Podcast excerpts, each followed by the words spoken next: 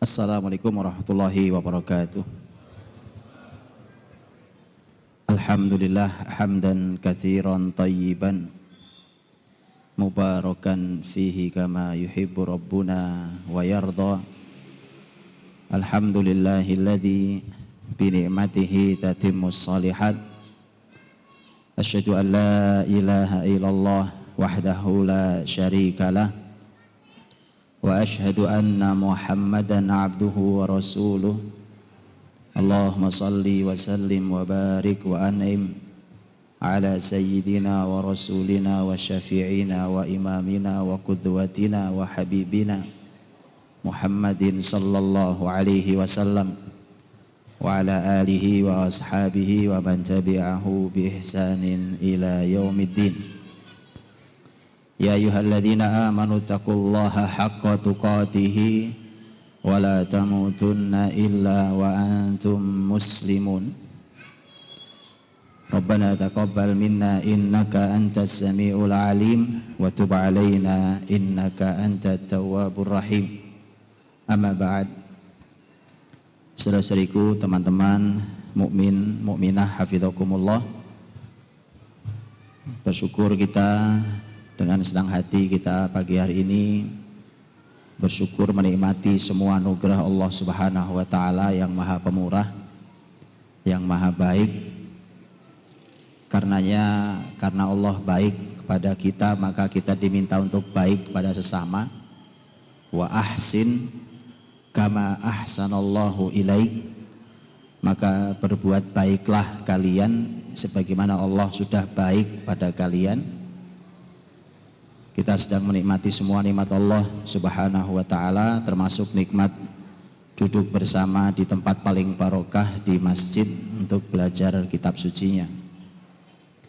Saudariku dirahmati Allah Subhanahu wa taala. Pembahasan kita hari ini tentang kedermawanan yang menaklukkan dunia. Dan ini dalam di dalam Islam merupakan pembahasan besar, pembahasan tentang kedermawanan yang di dalam Islam dia diatur dalam berbagai macam aturan di mana kita semua tahu sampai ada sampai ada kedermawanan yang diwajibkan kalau terpenuhi syarat yaitu zakat. Itu dikarenakan setiap muslim memang harus menjadi orang dermawan. Tetapi teman-teman dirahmati Allah Subhanahu wa taala, kita akan bicara yang pada tataran yang lebih besar dalam rangka membangun peradaban dunia Islam saat itu dan itu yang mestinya kembali hari ini. Karena bukankah contoh ketika seseorang secara pribadi terlilit oleh hutang maka akan menjadi masalah besar dan bukti yang paling gampang kita diajari Nabi untuk berdoa berlindung dari lilitan hutang. Karena ternyata terlilit hutang itu efeknya bukan cuma sedih, Pak. Bukan cuma sedih, bukan cuma e, tertekan, bukan cuma itu. Ada banyak hal dalam hidup yang tidak bisa berjalan normal gara-gara itu. Begitu juga di tataran yang lebih besar, ini lebih bahaya lagi. Umpamanya tataran negara. Negara dengan lilitan hutang yang sangat besar seperti yang sekarang dialami oleh negeri ini. Yang angka hutangnya sudah melebihi APBN, sudah berlipat. Maka bukan hal yang sederhana. Bukan hal yang sederhana. Bahkan untuk menentukan langkah sendiri di negeri sendiri karena itulah maka inilah hebatnya konsep Islam kalau dijalankan. Kalau dijalankan. Ketika konsep Islam ini dijalankan dengan baik dan ini memang perlu perhitungan yang cermat. Silahkan dihitung tentang potensi besar negeri ini.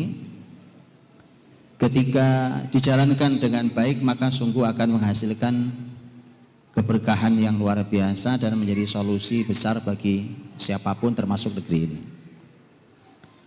Dan ini semua teman-teman rahmati Allah, ini nanti istimewanya ketika Al-Quranul Karim Allah Subhanahu wa taala di dalam kitab sucinya itu dalam ayat yang sangat banyak mendorong kita untuk menjadi orang yang dermawan dengan harta kita. Begitu juga nanti hadis Nabi Shallallahu Alaihi Wasallam, di mana ayat hadis itu menyampaikan tentang memotivasi untuk orang melakukan infak, kedermawanan dan seterusnya itu dengan sangat sungguh sangat luar biasa banyaknya dan diberikan berbagai macam janji tentang semua kedermawanan yang dilakukan. Saya berikan saya nukilkan beberapa contoh.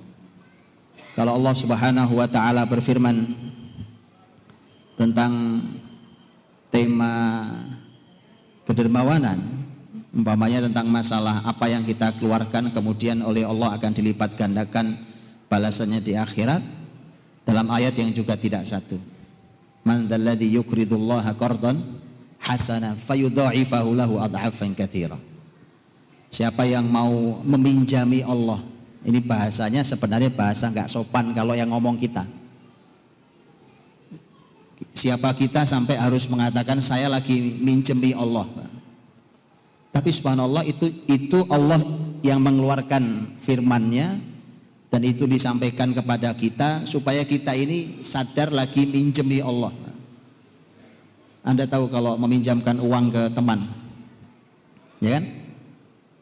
Pasti Anda akan akan mendapatkan mendapatkan kembaliannya. Oh ya, Anda Anda uang pinjamkan mesti uangnya harus kembali namanya pinjam. Dan yang berikutnya, Tentu kalau pinjam uang tidak boleh riba kalau dalam transaksi manusia. Tetapi yang pasti orang yang anda pinjami pasti pasti sangat hormat, sangat cinta sama anda. Itu yang anda dapat, ya anda akan mendapatkan uh, keuntungannya. Kalau ini keuntungan yang halal. Kalau riba tentu haram. Karena itulah maka Allah SWT menyampaikan siapa yang mau meminjami Allah dengan pinjaman yang baik maka Allah akan melipat gandakan dengan lipatan yang banyak. Insya Allah, insya Allah SWT. Kemudian dalam ayat yang juga sering kita dengar bagaimana Allah ibaratkan infak kita seperti tumbuhnya tumbuhan, biji-bijian. Mathalul ladina yunfiquna fi kamathali habbah seperti satu bijian. Kama thali habbatin ambatat sab'a sanabil fi kulli sumbulatin mi'atu habbah wallahu yudha'ifu liman yasha wallahu wasi'un alim.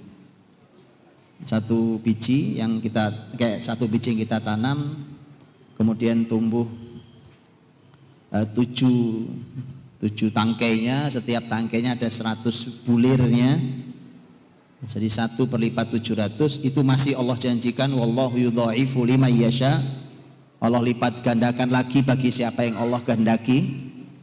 Itu masih ditambahi lagi wallahu wasi'un alim. Allah masih maha luas lagi. Allah maha mengetahui. Jadi luar biasa. Tapi bicara tentang kedermawanan, ternyata oleh Allah juga tidak hanya pembicaraannya tentang akhirat Lihatlah ayat ketika Allah berfirman tentang kemenangan muslimin melawan Yahudi. Yang kalau ayat itu dibahas hari ini, itu ayatnya lebih terasa hangat, lebih terasa hangat. Mohon maaf nih kalau mungkin bahasa saya mungkin salah, lebih terasa hangat dibandingkan kalau dibahas di zaman Nabi.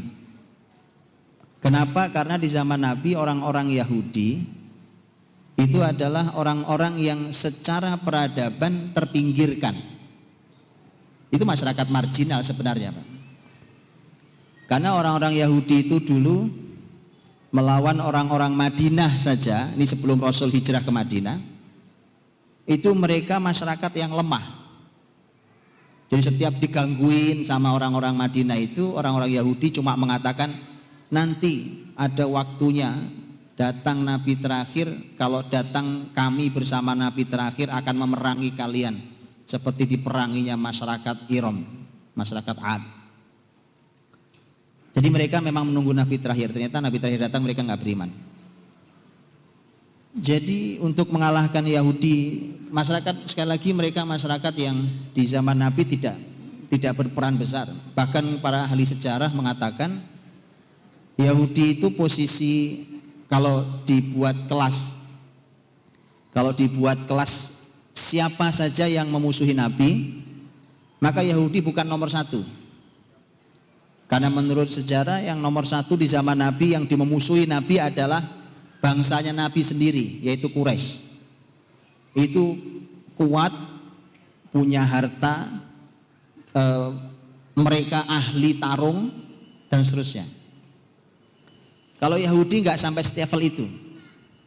Karena itulah maka teman-teman kalau membaca sejarah yang namanya Bani Koinuko Yahudi, Bani Nadir, Bani Quraidah dan seterusnya yang kecil-kecil apalagi yang lain, ini yang besar-besar untuk mengalahkan mereka bahkan nanti terakhir di Khaybar posisi terbesar mereka tahun 7 Hijriah Nabi Shallallahu Alaihi Wasallam tidak memerlukan perang fisik yang seru Sebagaimana kalau Nabi ketemu orang-orang Quraisy. Nabi ketemu orang Quraisy di perang Badar, di perang Uhud, oh itu serunya luar biasa perangnya. Kalau sama Yahudi nggak ada perang seru. Zaman itu nggak ada perang seru, cuma dikepung. Dikepung beberapa hari, macam-macam, ada yang seminggu, ada yang 15 hari. Pengep, cuma dikepung, nyerah. Dikepung, nyerah.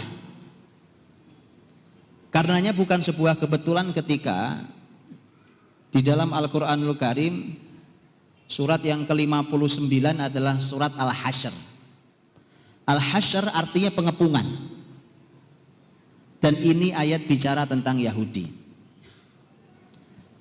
Silahkan dimasuki di dalamnya Allah subhanahu wa ta'ala menyampaikan detail tentang Bagaimana dulu sahabat bisa mengalahkan Yahudi Yang Yahudi saat itu mengendalikan banyak hal Pasar terbesar ya pasar Yahudi, pembuatan senjata yang paling besar juga Yahudi yang membuat. Jadi bisa dibayangkan perekonomian dan senjata di tangan Yahudi.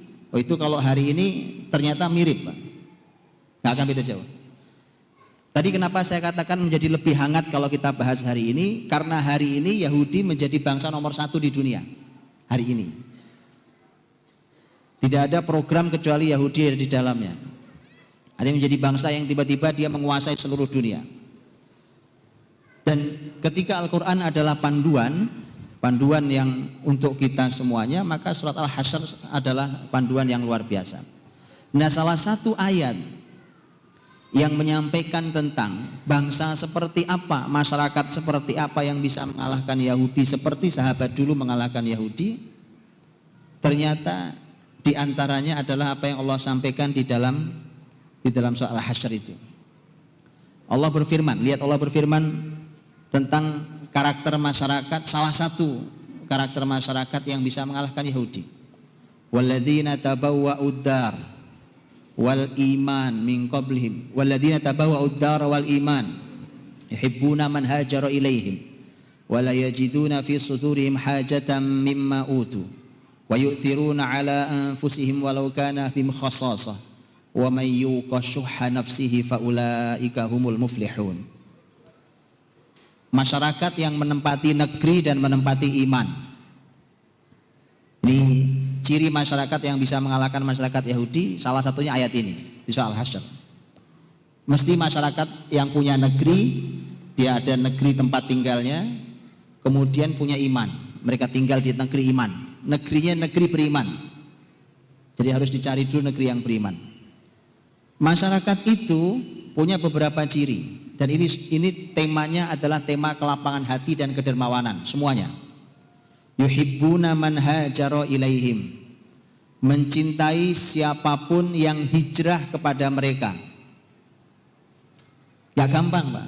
Di Indonesia ini terjadi mudah-mudahan tidak terulang berkali-kali terjadi perang antar etnik Gitu, ya. jadi nggak mudah menerima rombongan rame-rame datang dari suku lain, dari tempat lain itu membaur itu nggak gampang.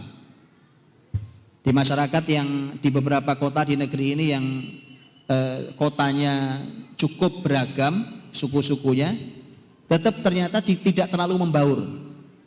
Tetap berkelompoknya tetap, tetap kuat dengan karakter masing-masing.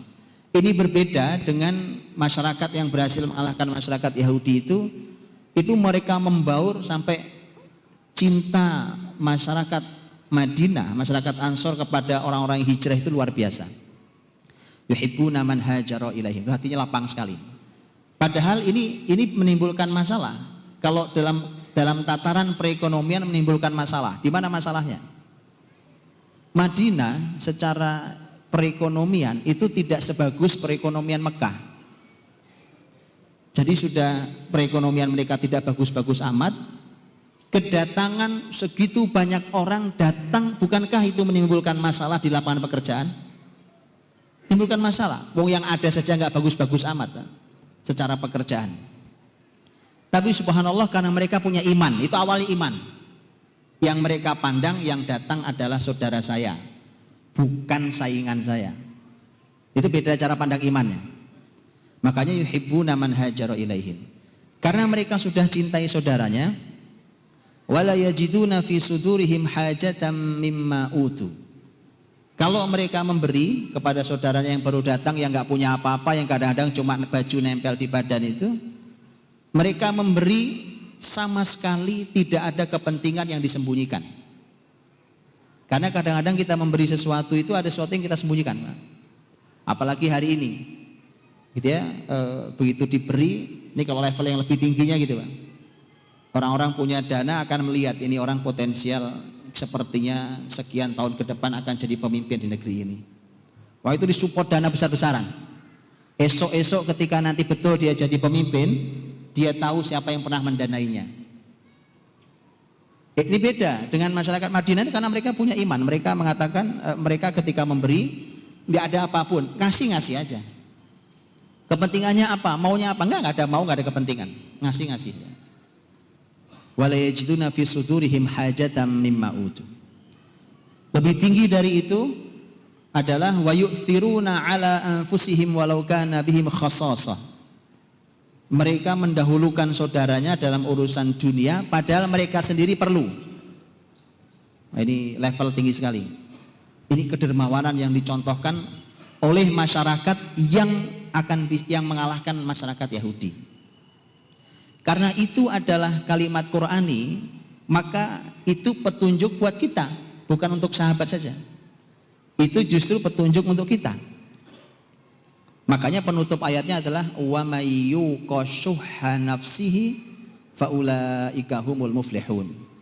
Siapa yang menjaga dirinya dari sifat pelit, sifat kikir, maka merekalah orang-orang yang akan menang dan beruntung. Nah itu, makanya masalah di kita ini di antaranya masalahnya adalah kita ini memandang dunia itu dunia itu memang jadi target utama di hidup kita. Pak. Karenanya kalau sudah dapat, perjuangannya susah dapatnya, makanya susah keluarnya.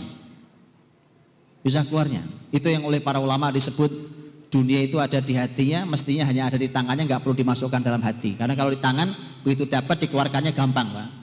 Tapi kalau di sini meganginya kan susah. Waduh, ini ini berkeringat saya mendapatkannya, ini susah sekali, saya berjuang luar biasa.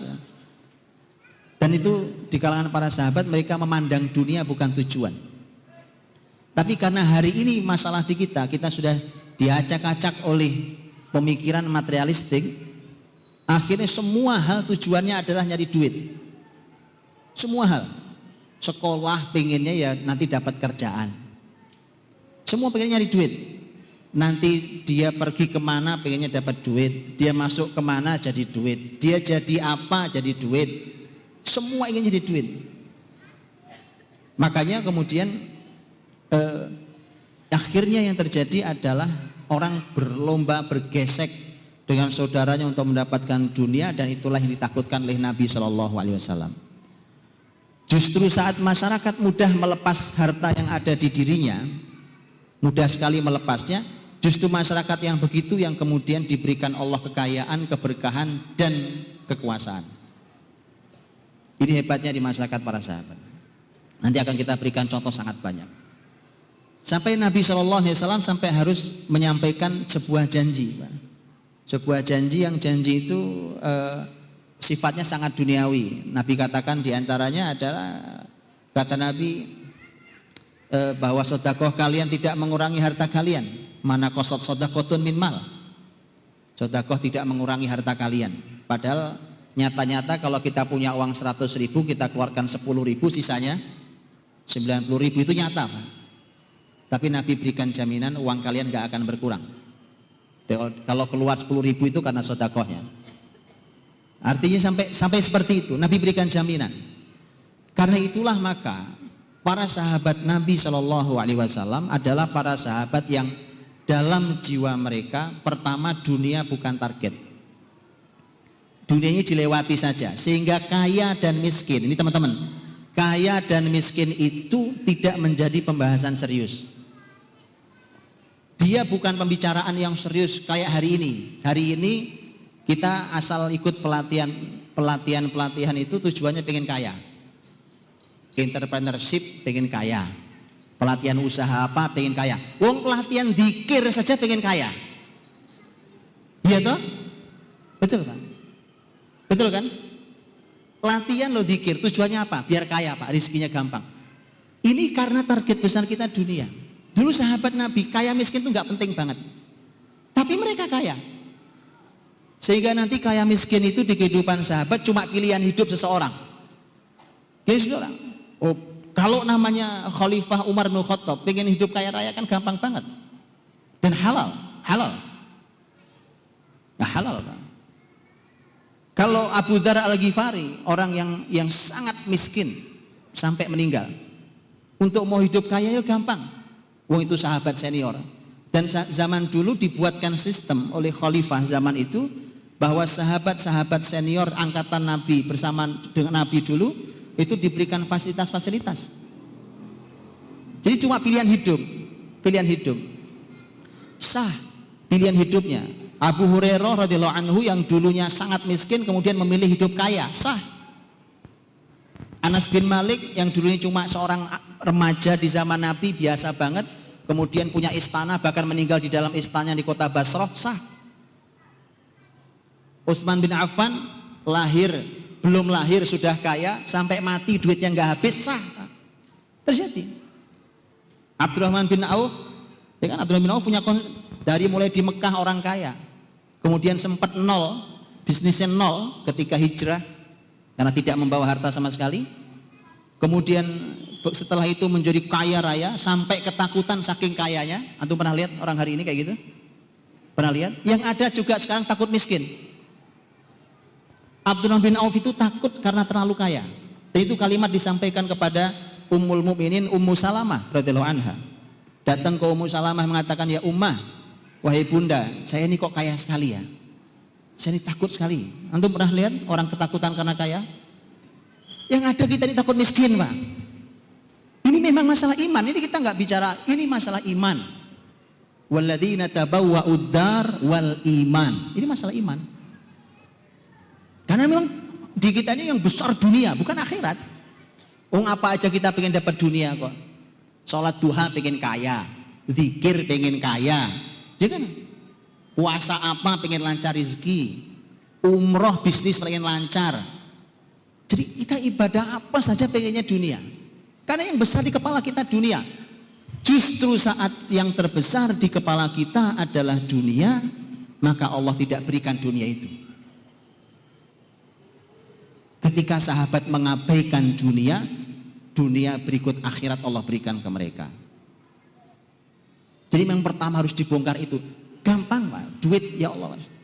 Harta simpel di tangan sahabat Nabi SAW.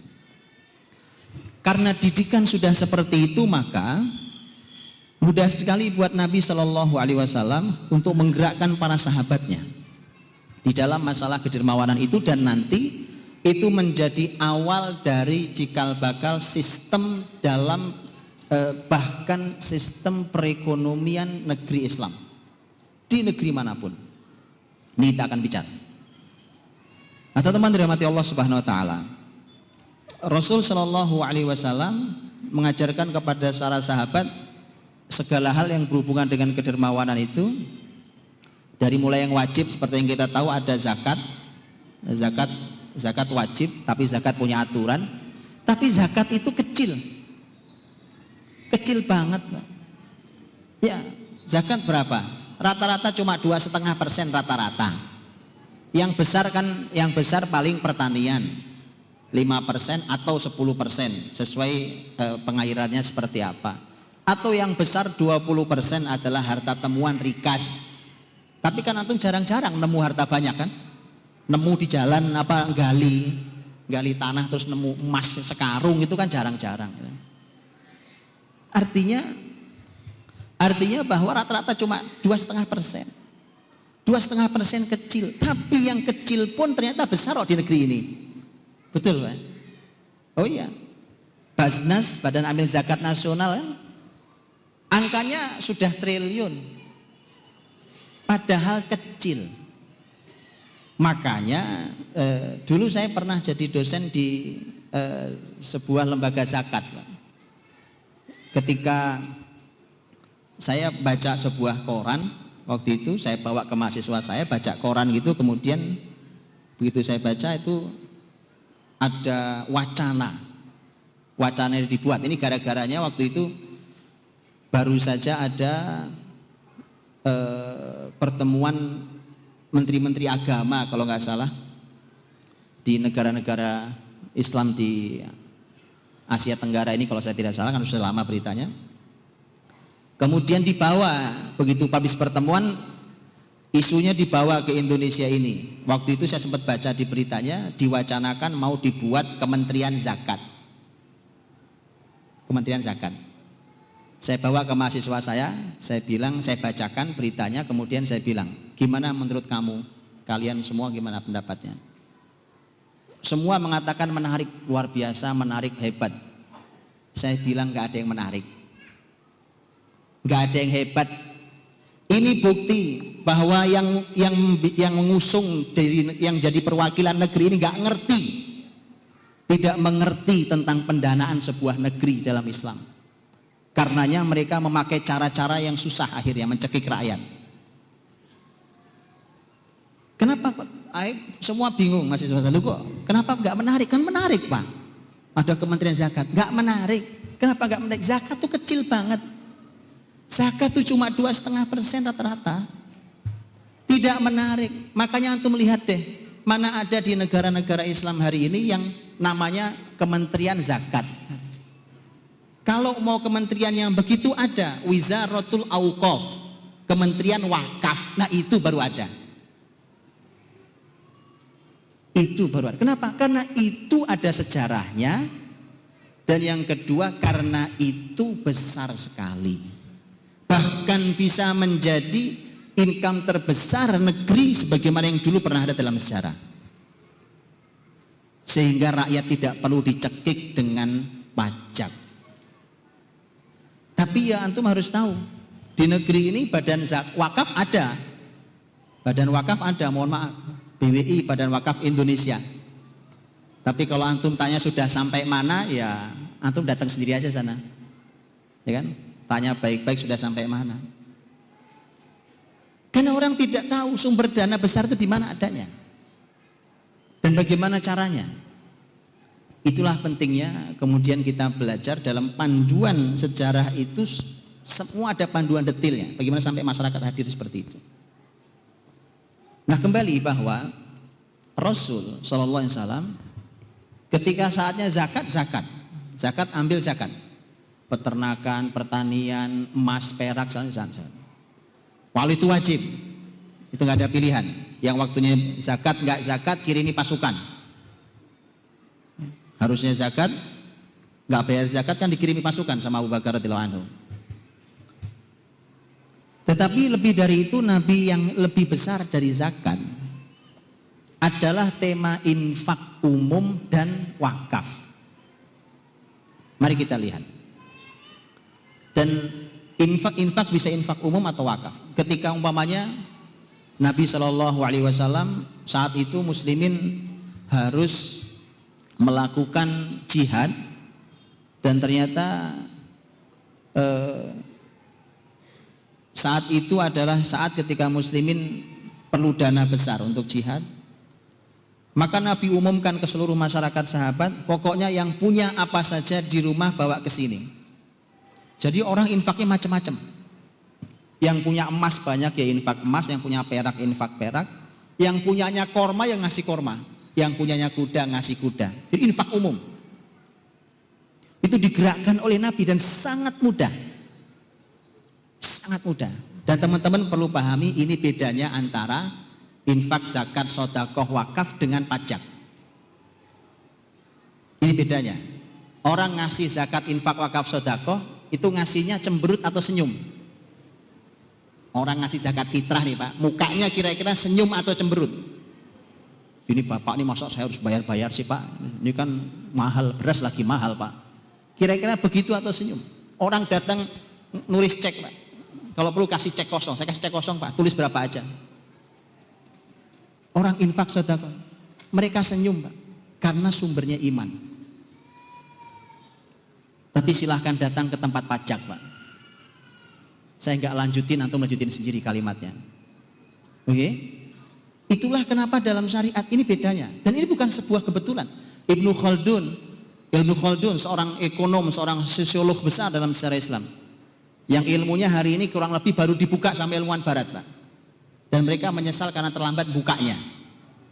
Mereka bilang kalau tahu begini dari dulu kita buka kita nggak usah capek-capek ngomongin sosiologi, ngomongin apa ekonomi. Ibnu Khaldun mengatakan, Ibnu kalau sebuah negeri pajaknya tinggi, maka yang terjadi adalah orang-orang kaya menyembunyikan hartanya, pembangunan akan berhenti. Istilah beliau gedung-gedung roboh. Kok bisa? Bukankah pajak ditarik tujuannya malah untuk membangun? Nah, kalau nggak percaya, tuh analisa saja hari ini. Antum analisa hari ini. Kalimat Nukhaldun sekian abad yang silam terbukti. Untuk itulah maka perlu upaya untuk mengembalikan itu. Solusi Islam Masya Allah. Sampai masyarakatnya makmur. Sampai masyarakatnya makmur. Iya, karena kan sodako, infak, zakat, wakaf segala macam itu masya Allah sampai masyarakatnya makmur. Seluruh masyarakat, seluruh lapisan masyarakatnya. Baik, maka Rasul mendorong sahabat macam-macam. Ada infak umum sifatnya, kayak tadi itu infak umum. Ada yang umpamanya ketika Nabi melihat masyarakat Madinah para sahabat saat itu dilihat oleh Nabi Shallallahu Alaihi Wasallam kok ini kebutuhan yang sangat vital itu adalah air tapi air ini kok mahal? Air mahal. Maka Nabi bicara di kalangan para sahabat ini orang-orang beberapa sahabat mereka orang-orang harta orang berharta orang kaya kata Nabi siapa yang membeli sumur rumah maka dijamin masuk surga. Ngomong surga itu, itu baru nyambung kalau sinyal imannya kuat. Nah, kalau nggak percaya nanti saya, saya ulang kalimat ini dengan versi bahasa saya. Nanti, nanti dari belakang setelahnya.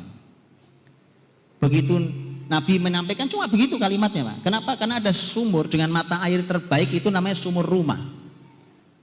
Dari Masjid Nabawi jaraknya kurang lebih sekitar 5 km.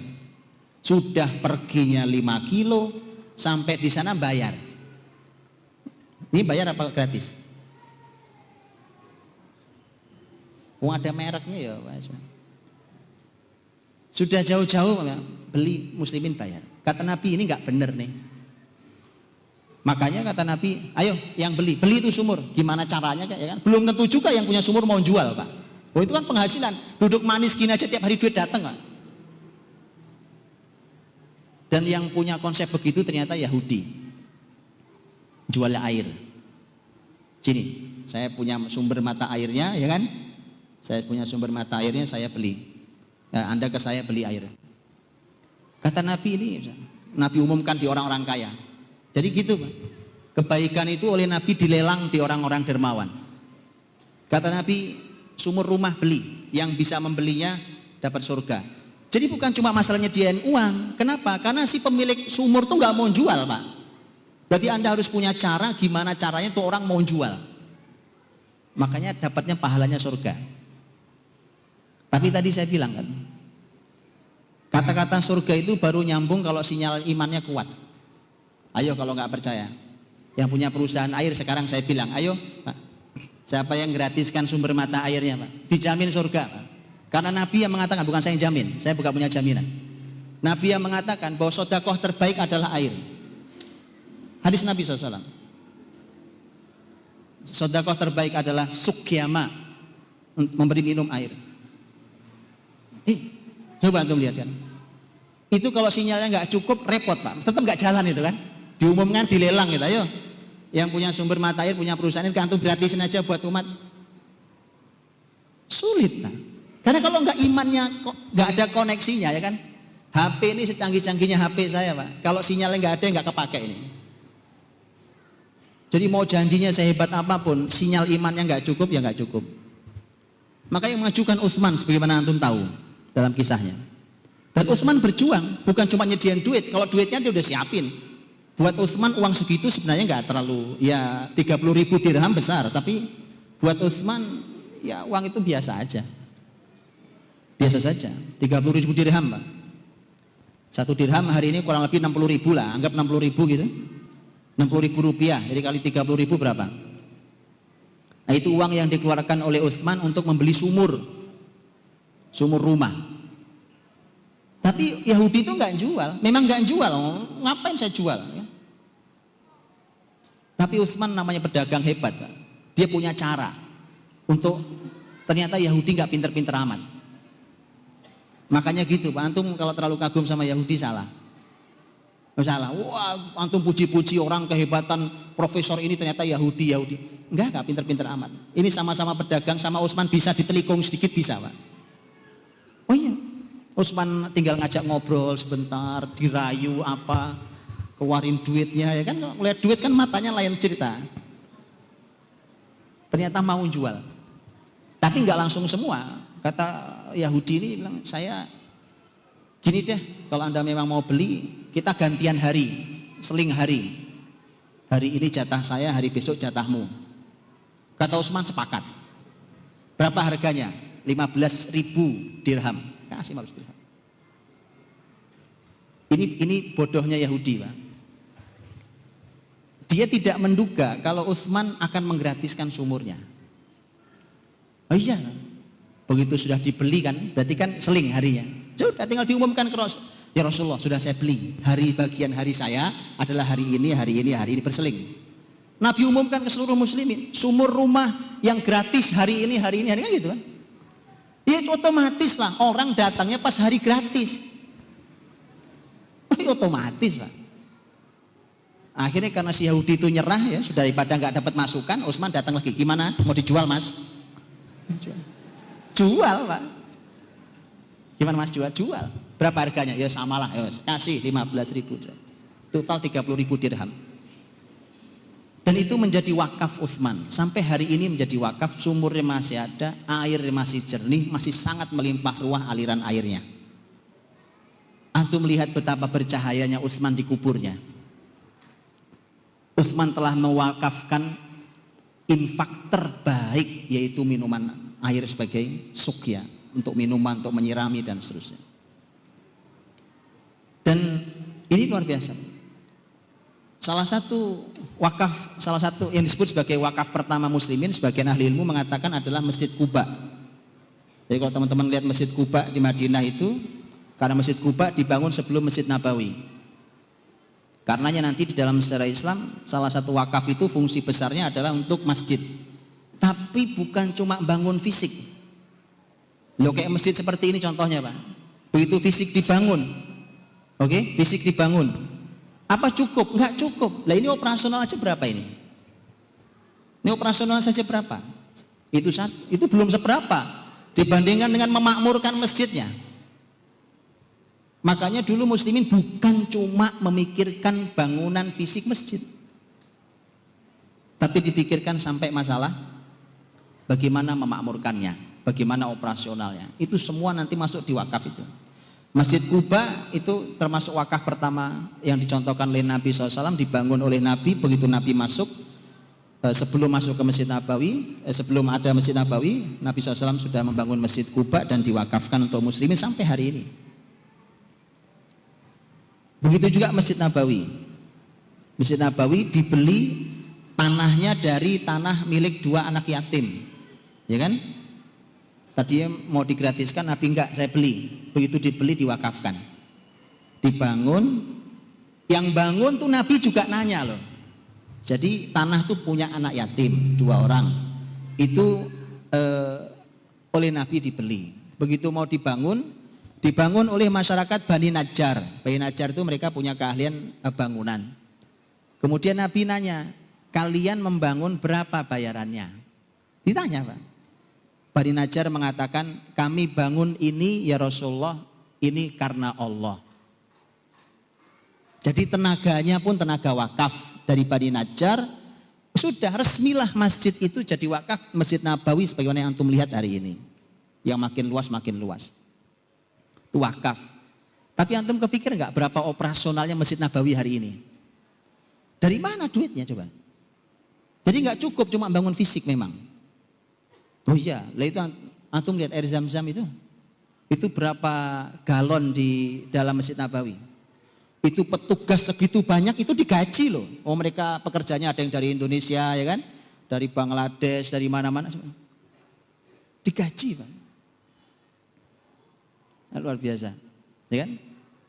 Jadi itu karenanya kemudian eh, ini dicontohkan Nabi Shallallahu Alaihi Wasallam. Salah satu yang juga dalam tema wakaf yang dicontohkan Nabi itu nanti adalah kisah Nabi dengan seorang Yahudi. Yahudi ini namanya eh, namanya Mukhairik. Mukhairik ini Yahudi. Para ahli ilmu berbeda pendapat apakah dia masuk Islam atau belum masuk Islam waktu mati. Ya, saya nggak bahas itu. Tapi Mukhairik ini dipuji Nabi, Pak. Aneh nih, Pak. Dan bahasa Nabi juga unik. Nabi mengatakan Yahudi terbaik itu adalah mukhairik. Loh, ada Yahudi dipuji sama Nabi. Pak. Baru dengar mungkin ya, Yahudi dipuji Nabi. Kalau masalah beliau masuk Islam atau belum masuk Islam itu ada e, pembahasan yang berbeda pendapat para ilmu. Kenapa? Karena mukhairik itu itu ternyata cukup dekat dengan Nabi dan saat itu mukhairik eh, sudah berpesan kalau saya meninggal, kebun-kebun saya saya serahkan ke Muhammad. Ini cukup unik Pak. Tapi sejarah begini bisa terulang. Antum suatu hari mungkin akan menjumpai kayak gitu. Begitu orang itu meninggal, meninggal itu di tahun Uhud. Begitu dia mati, maka kemudian ternyata kebunnya itu ada tujuh. Tujuh kebun. Bayangkan saat itu kebun-kebun kurma. Satu kebun loh berapa penghasilan kebun kurma. Antum pernah tahu satu pohon kurma? Hasilnya berapa? Saat kemarin sawit, harga sawit sedang jatuh beberapa bulan yang lalu, itu ada yang menghitung bahwa hasil satu pohon kurma sama dengan satu hektar sawit. Lah ini bukan satu pohon. Tujuh kebun.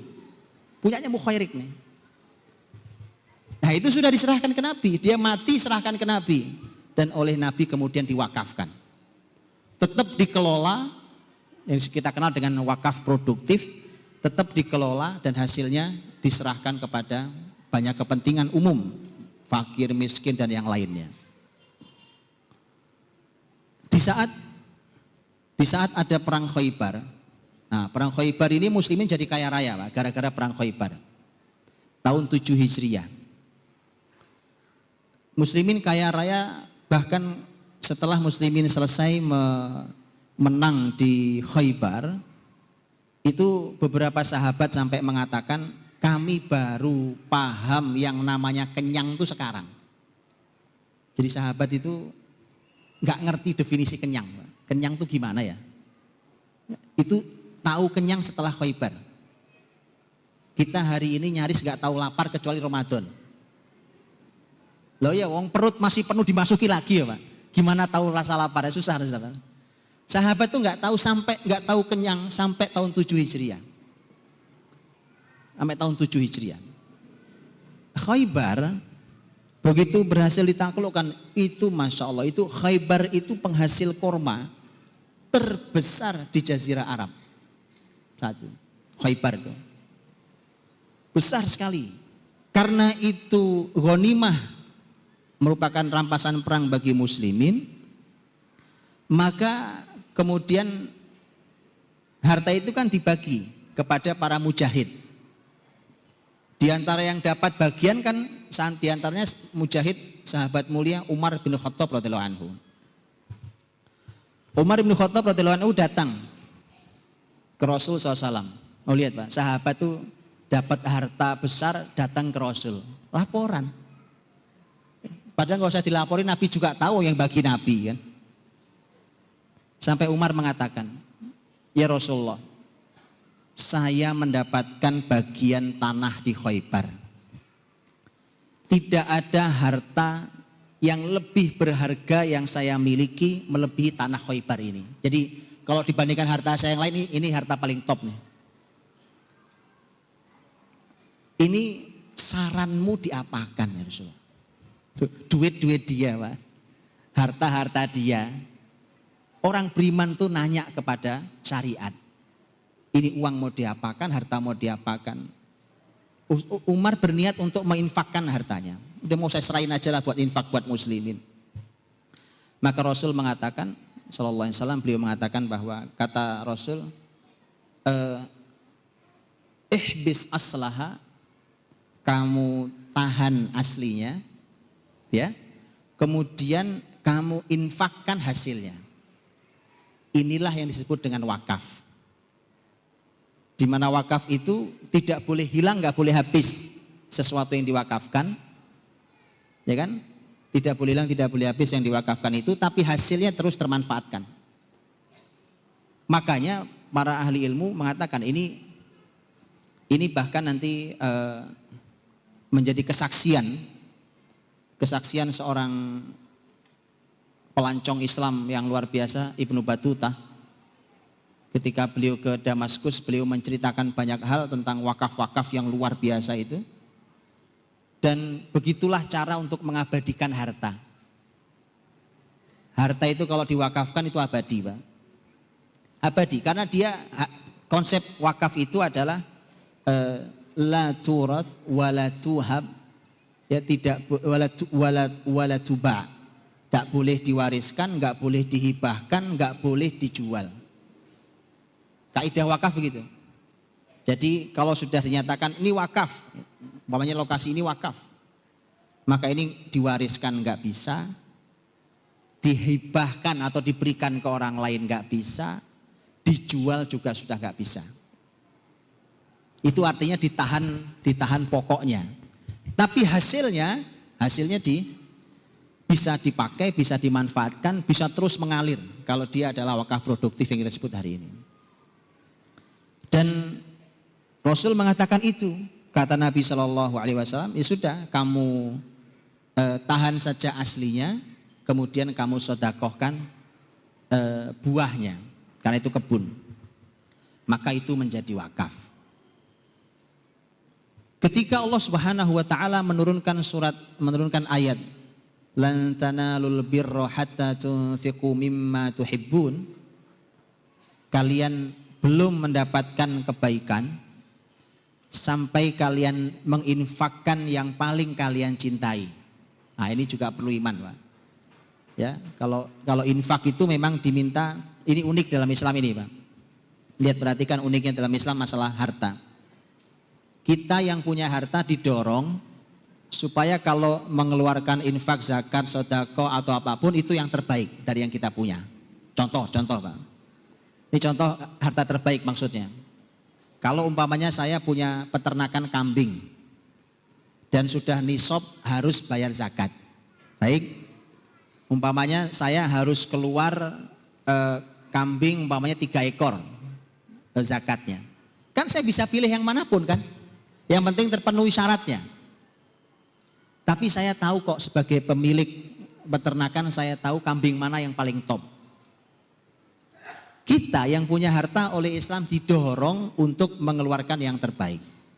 Tapi pengambil zakatnya oleh Nabi diwanti-wanti hati-hati jangan mengambil yang paling baik. Tidak menarik ya? Kenapa? Jadi biar dia yang ngasih yang terbaik. Kenapa? Karena orang itu, teman-teman, orang itu di hatinya ini kan namanya manusia ya kan. Ya ada ikatan harta yang kuat begitu, nanti khawatirnya begitu diambil terbaik, dia bukannya senyum ngasih zakat ya kan. Ya yang terbaik yang diambil kambingnya kan. Besok dia trauma lagi, nggak mau lagi zakat. Makanya Nabi mengatakan wa iya wa ima amwalihim. Hati-hati jangan sentuh harta mulia yang dia anggap mulia. Jangan pernah disentuh itu. Yang penting kan sudah terpenuhi syaratnya. Pengambil zakatnya terpenuhi syarat, yang mana saja kasih ke kami. Nanti kan dinilai, oh sudah terpenuhi, sudah, bawa. Tapi yang punya harta didorong lantana tanalul birra hatta tunfiqu mimma tuhibbun. Begitu ayat ini turun, ini bedanya kita dengan sahabat. Sahabat itu dikasih ayat langsung dijalankan, ya kan? Kita dikasih ayat, kita mikir dulu. Ujungnya enggak jalan. Ini makanya ya kita istighfar bersama-sama. Ya memang harus latihan, harus latihan. Ketika ayat ini turun kan kemudian muncul kisah yang luar biasa yang disampaikan uh, oleh Anas bin Malik tentang kisah Abu Tolha. Abu Tolha. Abu Tolha orang kaya, kaya. Salah satu kekayaannya adalah kebun-kebun di Madinah. Dan dia punya kebun terbaik dari semua kebun yang dia punya. Ini kebun, kebun, kebun, kebun. Kebun terbaiknya namanya kebun Bairuha. Ya, jadi kalau eh, dulu apa saja dikasih nama, Pak. Antum punya sawah ya kan? Sawah di sana, di sana, di sana itu ada namanya. Kalau dulu dikasih nama. Sawah antum ada namanya apa enggak? Toko kan toko dikasih nama tuh. Sawah dikasih nama. Kebun terbaiknya Abu Talha adalah Bairuha. Ya. Bairuha. Teman-teman kalau masuk dari pintu belakang Masjid Nabawi, ah, di posisi begitu masuk pintu Ya, di situlah kurang lebih dulu kebunnya Abu Talha, Bairuha. Jadi sudah di dalam Masjid Nabawi posisi hari ini. Bairuha ketika kemudian turun ayat untuk dapat kebaikan maka infakkan yang terbaik dari harta yang kalian punya datang dia ke Rasul ya Rasulullah harta terbaik saya kebun Bairuha ini saya mau infakkan kalau gitu jadi ayat turun langsung dijalankan ini luar biasa. Kemudian Rasul mengatakan, ya kalau begitu maka eh, kebunmu ini infakkan untuk keluargamu, untuk kerabatmu dan seterusnya. Nabi malah mendorong tetap infakkan tapi utamakan keluargamu. Ya kerabat-kerabat, keluarga sekeliling kamu. Dan kebun itu kemudian menjadi kebun wakaf. Kebun wakaf dan kemudian hasilnya diberikan sesuai dengan akadnya yaitu diberikan kepada kerabat dan saudaranya Abu Talha.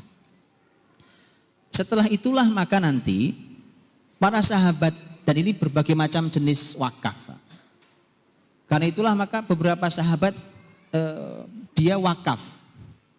Wakaf yang sebagiannya ada yang untuk umum, ada yang memang untuk keluarga. Dan nanti wakaf kemudian bertumbuh, berkembang sampai nanti wakafnya unik-unik. Dan teman-teman gara-gara beginilah maka musuh itu susah membeli muslimin. Kenapa muslimin gampang kalah? Karena suka-suka sudah ada yang dibeli di antara kita. Tapi dengan cara itu kekayaan merata muslimin apa saja bisa gratis di negeri itu. Ini kehebatan kedermawanan menaklukkan dunia itu itu. Ya, salah satunya itu. Contohnya yang dilakukan oleh sahabat mulia uh, Zubair. Zubair bin Awam radhiyallahu anhu. Zubair bin Awam radhiyallahu anhu itu beliau punya beliau orang kaya. Zubair itu orang kaya dan salah satu sahabat yang dijamin masuk surga dari 10 itu. Zubair radhiyallahu anhu itu punya rumah-rumah di berbagai kota, termasuk di antaranya di Madinah.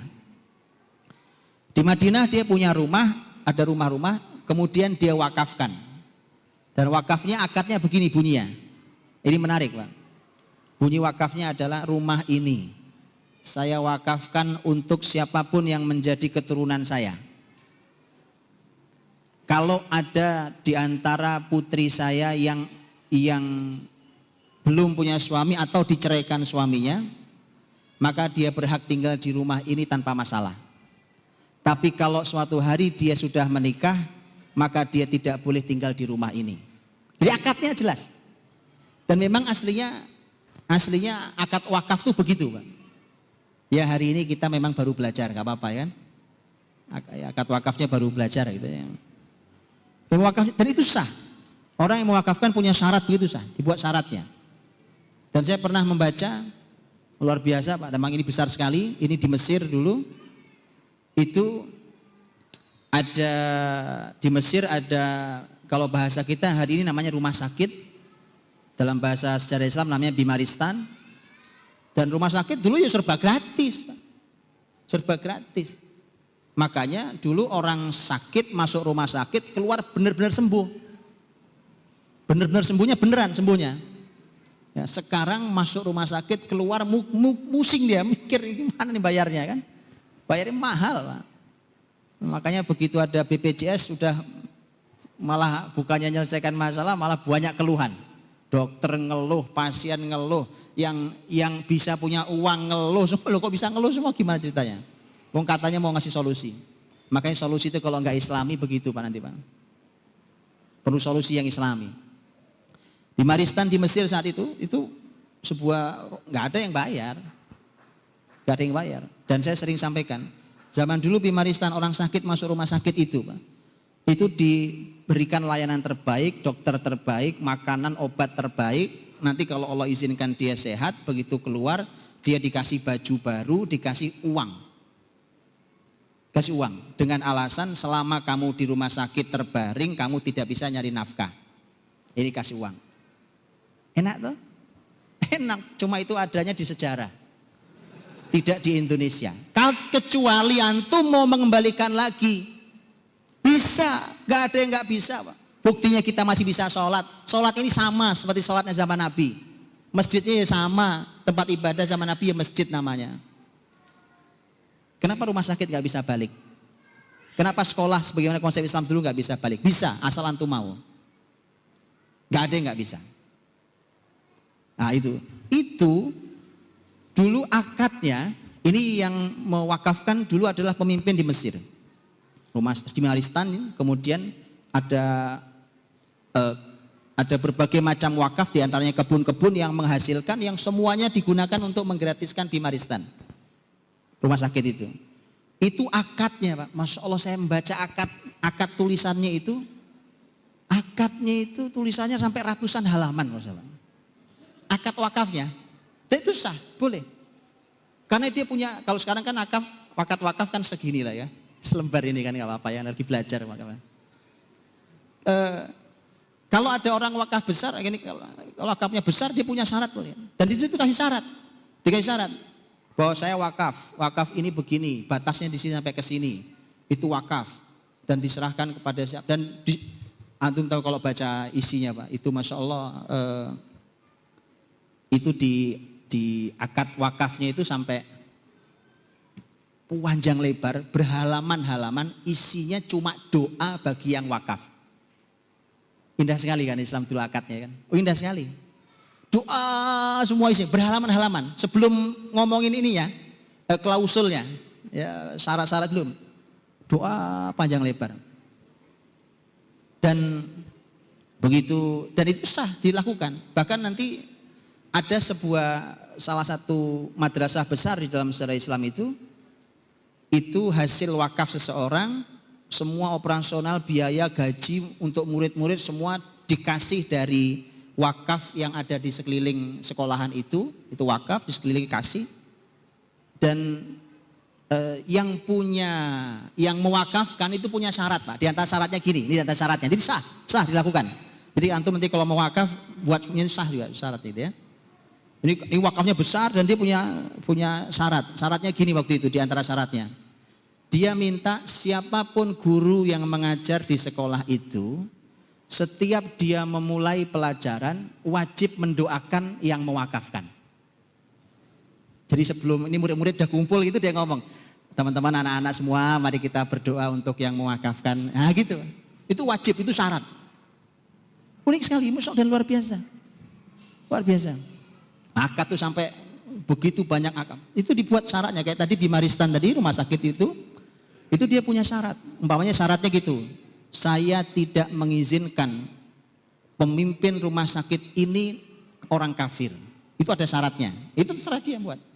Dia tidak pernah boleh ada di rumah sakit yang saya wakafkan ini. Ah, itu itu namanya syarat dibuat. Luar biasa dalam Silakan dibaca dan itu kita kaya dengan semua itu. Nah teman-teman eh, kayak Zubair tadi radhiyallahu anhu itu mewakafkannya dengan syarat tadi. Ini untuk anak saya begini. Aisyah radhiyallahu anha umul muminin juga pernah membeli rumah, membeli rumah terus dia wakafkan, diwakafkan, kemudian dia buatkan akad wakafnya. Akad wakafnya ter, diucapkan dengan lisan. Rumah ini diwakafkan, e, boleh ditempati oleh fulan berikut keturunannya untuk fulan tapi tidak berikut keturunannya. Begitu dibunyikan gitu. Kalau sudah tidak ada semua maka kembali ke keluarga Abu Bakar. Abu Bakar kan ayahnya. Jadi Masya Allah, jadi tetap wakaf posisinya, tapi itu akadnya gitu. Dan sahabat mulia Jabir bin Abdullah radhiyallahu anhu mengatakan lam yakun ahadun min ashabin nabi min ashabi Rasulillah sallallahu alaihi wasallam Zu makdirah illa wakaf. Tidak ada satupun sahabat Rasul yang punya kemampuan kecuali pasti dia wakaf. Jadi tidak ada sahabat Nabi Pak yang punya harta kelebihan kemudian pasti dia wakaf. Jadi makanya Madinah itu luar biasa. Seorang pelancong hebat bahkan satu abad setengah sebelum Ibnu Batuta yaitu Ibnu Jubair. Ibnu Jubair itu waktu masuk ke Damaskus, waktu masuk ke Damaskus itu sampai dia mengatakan dia mengatakan bahwa e, ini Damaskus ini hampir semuanya statusnya wakaf. Satu satu kota itu, Pak. Hampir kayak Semarang gini lah. Kan Damaskus sampai sekarang masih ada kan? Kayak Semarang gini hampir semua statusnya wakaf. Saya nggak tahu di Semarang ini wakafnya berapa persen. Memang, memang begitu begitu orang Eropa menjajah, Pak. Status wakaf itu yang diacak-acak oleh mereka akhirnya menjadi milik pribadi. Milik pribadi, milik pribadi lama-lama hilang, hilang, hilang, hilang. Padahal di masa terakhir Islam berkuasa itu di masa uh, Kesultanan Turki Utsmani itu disebutkan dalam sejarah bahwa kalau kalau ada sebuah satu wilayah maka kurang lebih dipastikan dua per tiga status tanahnya adalah wakaf. Dua per tiga statusnya adalah wakaf. Tapi begitu Turki Utsmani jatuh, kan masuk penjajah ke mana-mana kan nah itu semua dipotong-potong sama dia dibagi-bagi ya. kemudian yang muncul hari ini menjadi kacau balau. Padahal itu dulu adalah pendanaan terbesar. Begitu Rasul dan para sahabat nanti berganti dengan dinasti Bani Umayyah. Dinasti Bani Umayyah itu nanti di masa Hisham bin Abdul Malik yang pertama kali membuat eh, satu manajemen khusus tentang wakaf. Diletakkan di bawah kodok di pengadilan. Jadi dulu pengadilan itu dikasih satu divisi baru, divisi yang mengurusi seluruh wakaf. Itu di zaman uh, Hisham bin Abdul Malik. Diberikan uh, itu. Tapi ketika dia terus tumbuh, bahkan di masa dinasti Bani Abbas ya, di masa berikutnya lagi, Pak itu sudah sudah besar sendiri menjadi lembaga sendiri. Bahkan orang wakaf sudah tidak lagi cuma untuk fakir miskin, untuk fakir miskin nggak begitu lagi Pak. Wakaf itu untuk apa saja di seluruh kehidupan. Di seluruh kehidupan. Karenanya dengan tumbuhnya itu terus begitu sampai nanti terus tumbuh zaman dinasti Zengkia, uh, Nuruddin Zengki di antaranya, ya kan? Terus zaman dinasti Ayyubiyah, Salahuddin al-Ayyubi di antaranya, terus gitu. Itu makin besar, makin besar, makin banyak, makin banyak sehingga bahkan seluruh urusan uh, umum yang kita sebut hari ini dengan fasilitas umum itu semuanya didanai dari wakaf. apa jalan, apa pun, tempat peristirahatan, guest house apa rumah singgahnya apa segala macam, kamar mandi umum, e, penerangan jalan apa semuanya sampai dibangun dengan cara itu. Bukankah ini sebenarnya menjadi sebuah solusi besar buat umat ini? Ya. Nah, teman-teman dirahmati Allah Subhanahu wa taala. Jadi ketika terus ter, bertumbuh berkembang di masa para sahabat Nabi SAW terus para sahabat kemudian muslimin dengan panduan di zaman Rasul dan sahabat itu makin melebarkannya melebarkannya makin kreatif makin kreatif makin kreatif. E, kalau tadi saya bilang e, umpamanya sahabat mulia Utsman membeli air di sumur rumah maka nanti muslimin membuat e, kreativitas dalam wakaf air. Dalam wakaf air yang dikenal dengan uh, asbilah. Asbilah, asbilah itu uh, nanti kalau teman-teman cek di Google gitu ya, kan ngaji kita di Google biasanya ya kan. Antum tulis asbilah gitu, saya nggak tahu kalau bahasa Indonesia, tapi kalau dalam bahasa antum tulis al asbilah akan keluar gambarnya malah bangunan diletakkannya di tempat-tempat strategi di jalan-jalan kayak begini atau di pertigaan, di perempatan, di mana diletakkan bangunan bukan cuma bangunan kotak, bangunannya indah, diukir indah. Biasanya dua, biasanya tiga lantai biasanya. Lantai bawah untuk nyimpan air dan didinginkan. Kemudian lantai yang sejajar dengan kita, lantai dasar itu untuk ngambil airnya, orang leluasa dan gratis. Siapa pun orang lewat, mau minum, mau bawa pulang, mau berapapun yang diambil semua gratis. Bahkan ada petugasnya dan lantai yang atas digunakan biasanya untuk kutab. Dulu ada untuk ngaji, untuk sekolah anak-anak di bagian atasnya.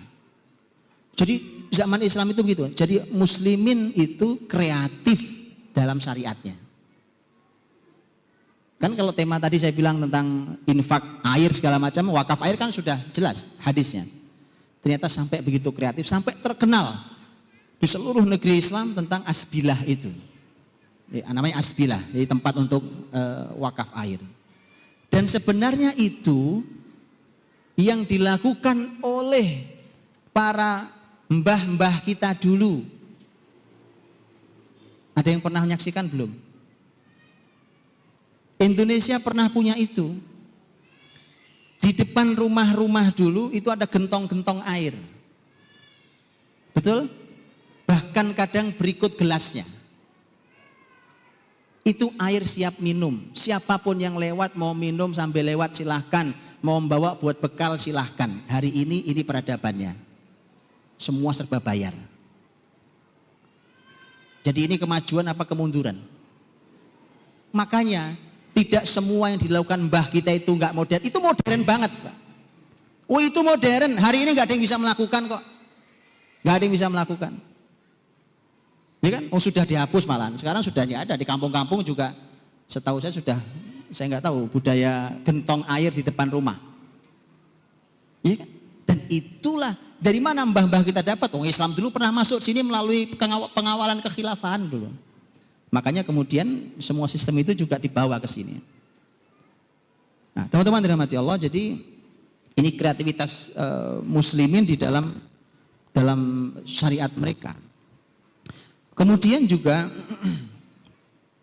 ketika uh, muslimin melihat bahwa ini lama-lama dana ini besar, hasil besar, dan menariknya adalah dia tidak boleh kalau wakaf kan sekali lagi kalau zakat ya kalau zakat sekali lagi cuma kecil. Sudah gitu rata-rata bayarnya cuma setahun sekali kan haul. Ya, haul kecuali beberapa zakat. Rata-rata haul. E, kemudian kalau infak namanya infak tuh yang nggak ada ikatan. Orang mau kapan infak infak, enggak juga nggak apa-apa, namanya sunnah. Makanya yang kenapa kemudian yang paling menarik adalah wakaf. Karena wakaf itu bisa apa saja diwakafkan. Apa saja. Makanya mungkin makanya kemudian harus mulai digalakkan. Ketika ini kalau upaya kita mau mengembalikan eh, kemudahan dan kesejahteraan di masyarakat. Jadi eh, kalau yang kita kenal wakaf hari ini banyak wakaf tanah untuk masjid, wakaf tanah untuk kuburan, ya, wakaf tanah untuk sekolahan. Itu sangat terbatas, terlalu terbatas itu. Maka mesti harus dikembalikan ulang, ya, dikembalikan ulang. Saya berikan contoh tadi contohnya. Saya kasih contoh ini solusi, contoh. Saya juga pernah ditanya oleh seseorang, seorang ayah punya sebidang tanah, dia membaca agak khawatir kalau dia meninggal anak-anaknya akan berantem. Makanya kemudian eh, dia ingin bagaimana caranya tanah ini eh, bisa dinikmati bareng-bareng oleh mereka. Beliau jual juga nggak mau, masih hidup dijual nggak mau, dibagi aja duitnya nggak mau, saya nggak mau jual, tanah ini saya nggak mau jual, tapi tanah ini harus bisa dinikmati bareng-bareng oleh anak-anak saya. Waktu itu nanya ke saya, saya bilang gampang, karena dalam Islam ada pembahasan tadi yang disebut oleh uh, ahli ilmu uh, fikih disebut dengan wakfud darori, uh, wakaf untuk anak turun. Kalau anda wakafkan itu tanah dan akadnya adalah wakaf untuk anak keturunan anda, eh, tanah itu nggak akan bisa diapa-apain, dijual nggak bisa, dihibahkan nggak bisa, diwariskan nggak bisa. Tapi hasilnya sesuai akad, akadnya untuk anak-anak. Semua turun anda itu berhak mendapatkan bisa menikmati ini. Tinggal dibuatkan. Itu sudah ada sejak zaman sahabat. Itu saja hari ini tidak dikenal oleh muslimin. Betul? Banyak yang nggak kenal konsep itu. Padahal mudah sekali ini. Mudah sekali. Nah, tapi terus tumbuh berkembang, Pak. Ya Allah, yang mendapatkan kebaikan wakaf itu bukan cuma manusia. Adun tahu? Ini ada wakaf unik banget. Unik banget, Pak. Ini diperhatikan oleh muslim lihat memang memang kita ini betul-betul agama rahmat. Ini masyarakat yang memang rahmatan lil alamin itu begini maksud rahmatan lil alamin itu yang benar. Ya kan jangan dipelintir sana pelintir sini. Ini benar rahmatan lil alamin. Di Maroko dulu dalam sejarah Islam di Maroko di kota Fas, di kota Fes. Itu dulu suka kedatangan burung serombongan besar burung jenis tertentu datangnya setahun sekali ke tempat itu. Kayak migrasinya apa burung. Itu muslimin di kota Fas itu memperhatikan, ini kok ada burung setiap bulan ini dia datang. Jadi setahun sekali datangnya. Atau melihat apa yang dilakukan muslimin? Akhirnya dibuatkan wakaf khusus untuk memberi dan menjamu burung yang datangnya setahun sekali itu. Itu namanya rahmatan lil alamin. Tahu? Luar biasa. Muslim itu mikirkan sampai binatang, Pak. Peradaban hari ini manusia aja dikorbankan. Islam itu sampai memikirkan masalah binatang. Oh iya, dan bukan cuma itu. Contoh kuda. Kuda. Kuda itu kan kalau sudah tua juga sudah tidak bisa lagi dipakai untuk apalagi untuk perang.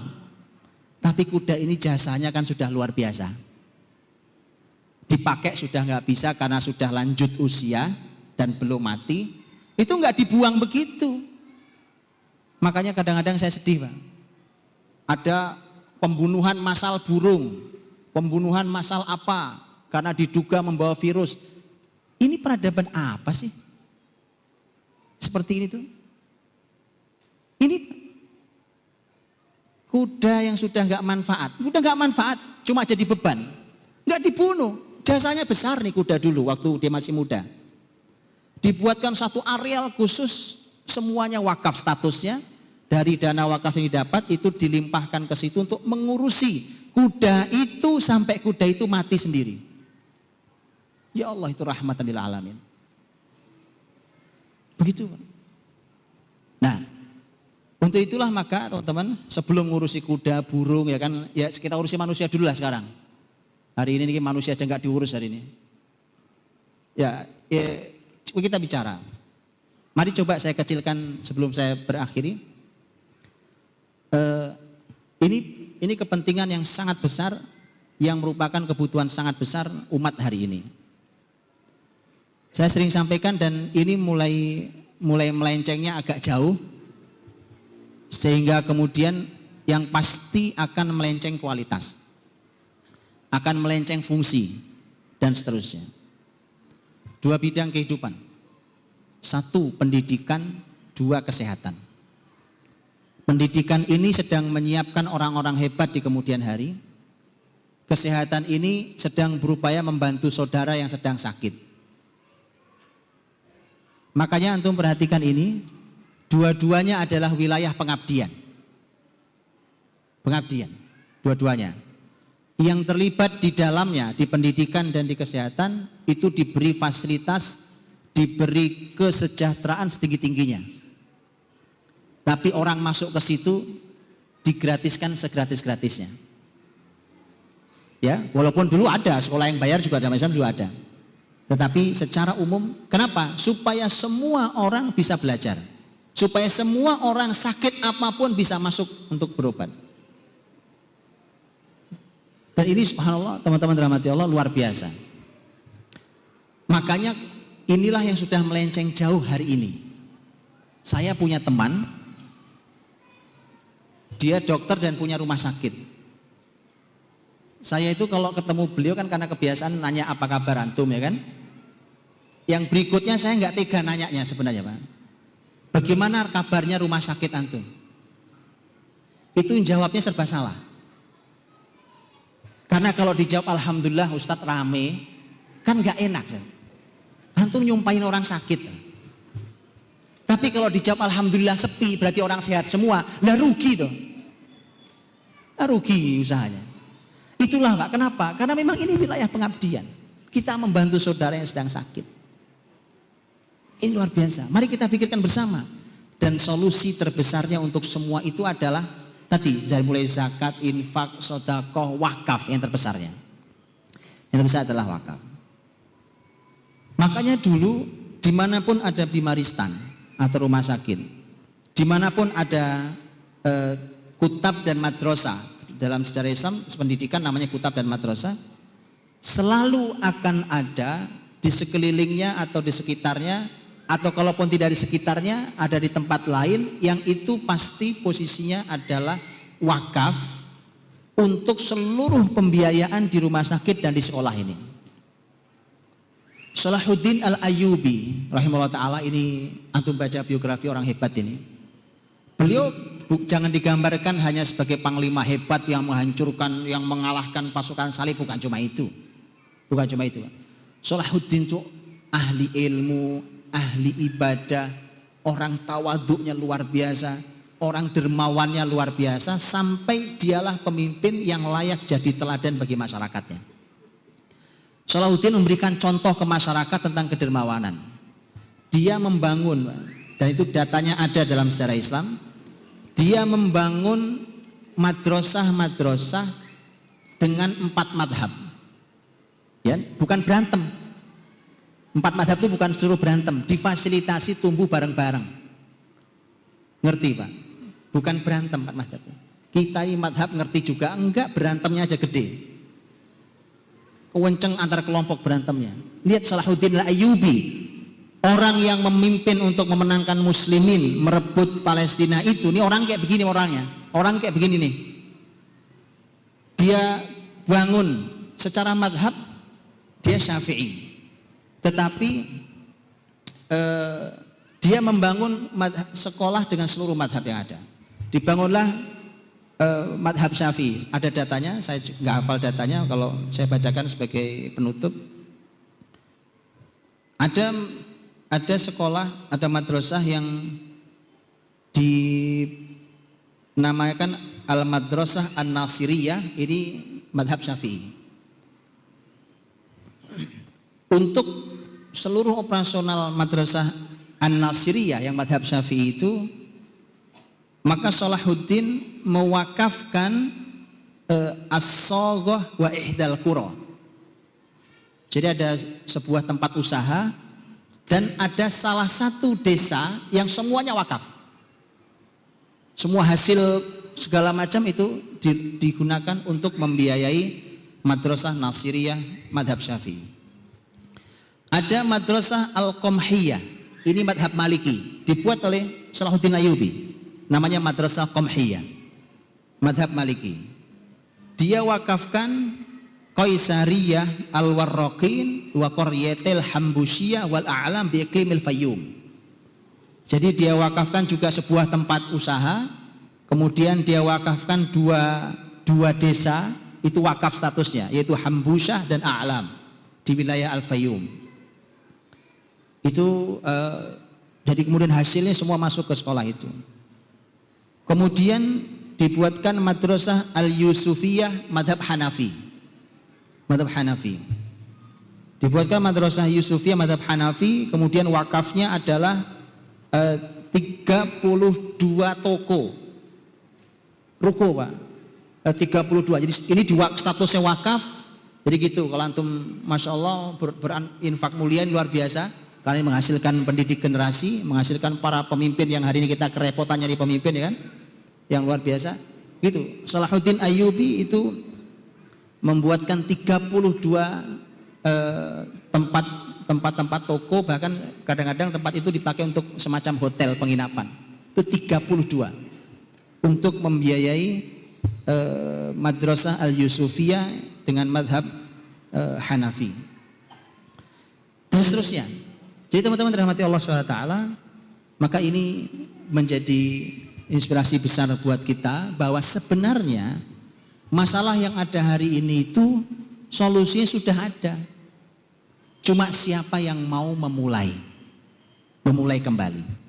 Siapa yang memulai insya Allah dia akan sampai ke tujuan dengan izin Allah tapi kalau cuma dibayangkan, dianalisa, didiskusikan, diwacanakan, nggak pernah dimulai ya nggak akan pernah sampai tujuan. Ayo kita mulai melangkah satu langkah, semoga Allah bimbing di langkah-langkah berikutnya sehingga kita akan menjumpai kembali Bimaristan. Eh, kita merawat saudara-saudara kita yang sakit, semua gratis. Bahkan pulang bisa kita sangoni, Pak. Ya, kita kasih uang, kita kasih baju baru, ya kan? Anak-anak sekolah dari mulai level paling dasar sampai paling tinggi bisa kita gratiskan. Kita mulai dari yang paling kecil yang bisa kita mulai. Dan harus memang kita lakukan sampai nanti kita akan terus kreatif untuk uh, untuk wakaf ya kan? Sampai teman-teman di Damaskus dulu Salahuddin Al-Ayyubi itu sampai wakaf susu. Antum tahu cara wakafnya?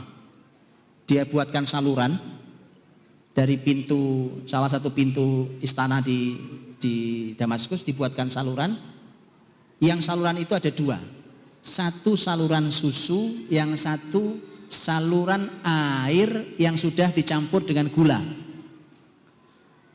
Semua mus, semua masyarakat yang tinggal di kota itu, semuanya, semua siapa pun datang tinggal ngambil terserah dia. Sampai begitunya ya kan? Itu ketika muslimin, ketika dulu kita menjadi pemimpin di muka bumi. Ketika kita kembali kepada Quran dan Sunnah, hasilnya sebesar itu. Wallahu a'lam. Mudah-mudahan bisa memberikan inspirasi buat kita semuanya dan kita harus memulai. Semoga Allah bimbing di langkah-langkah berikutnya. Assalamualaikum warahmatullahi wabarakatuh. Waalaikumsalam warahmatullahi wabarakatuh.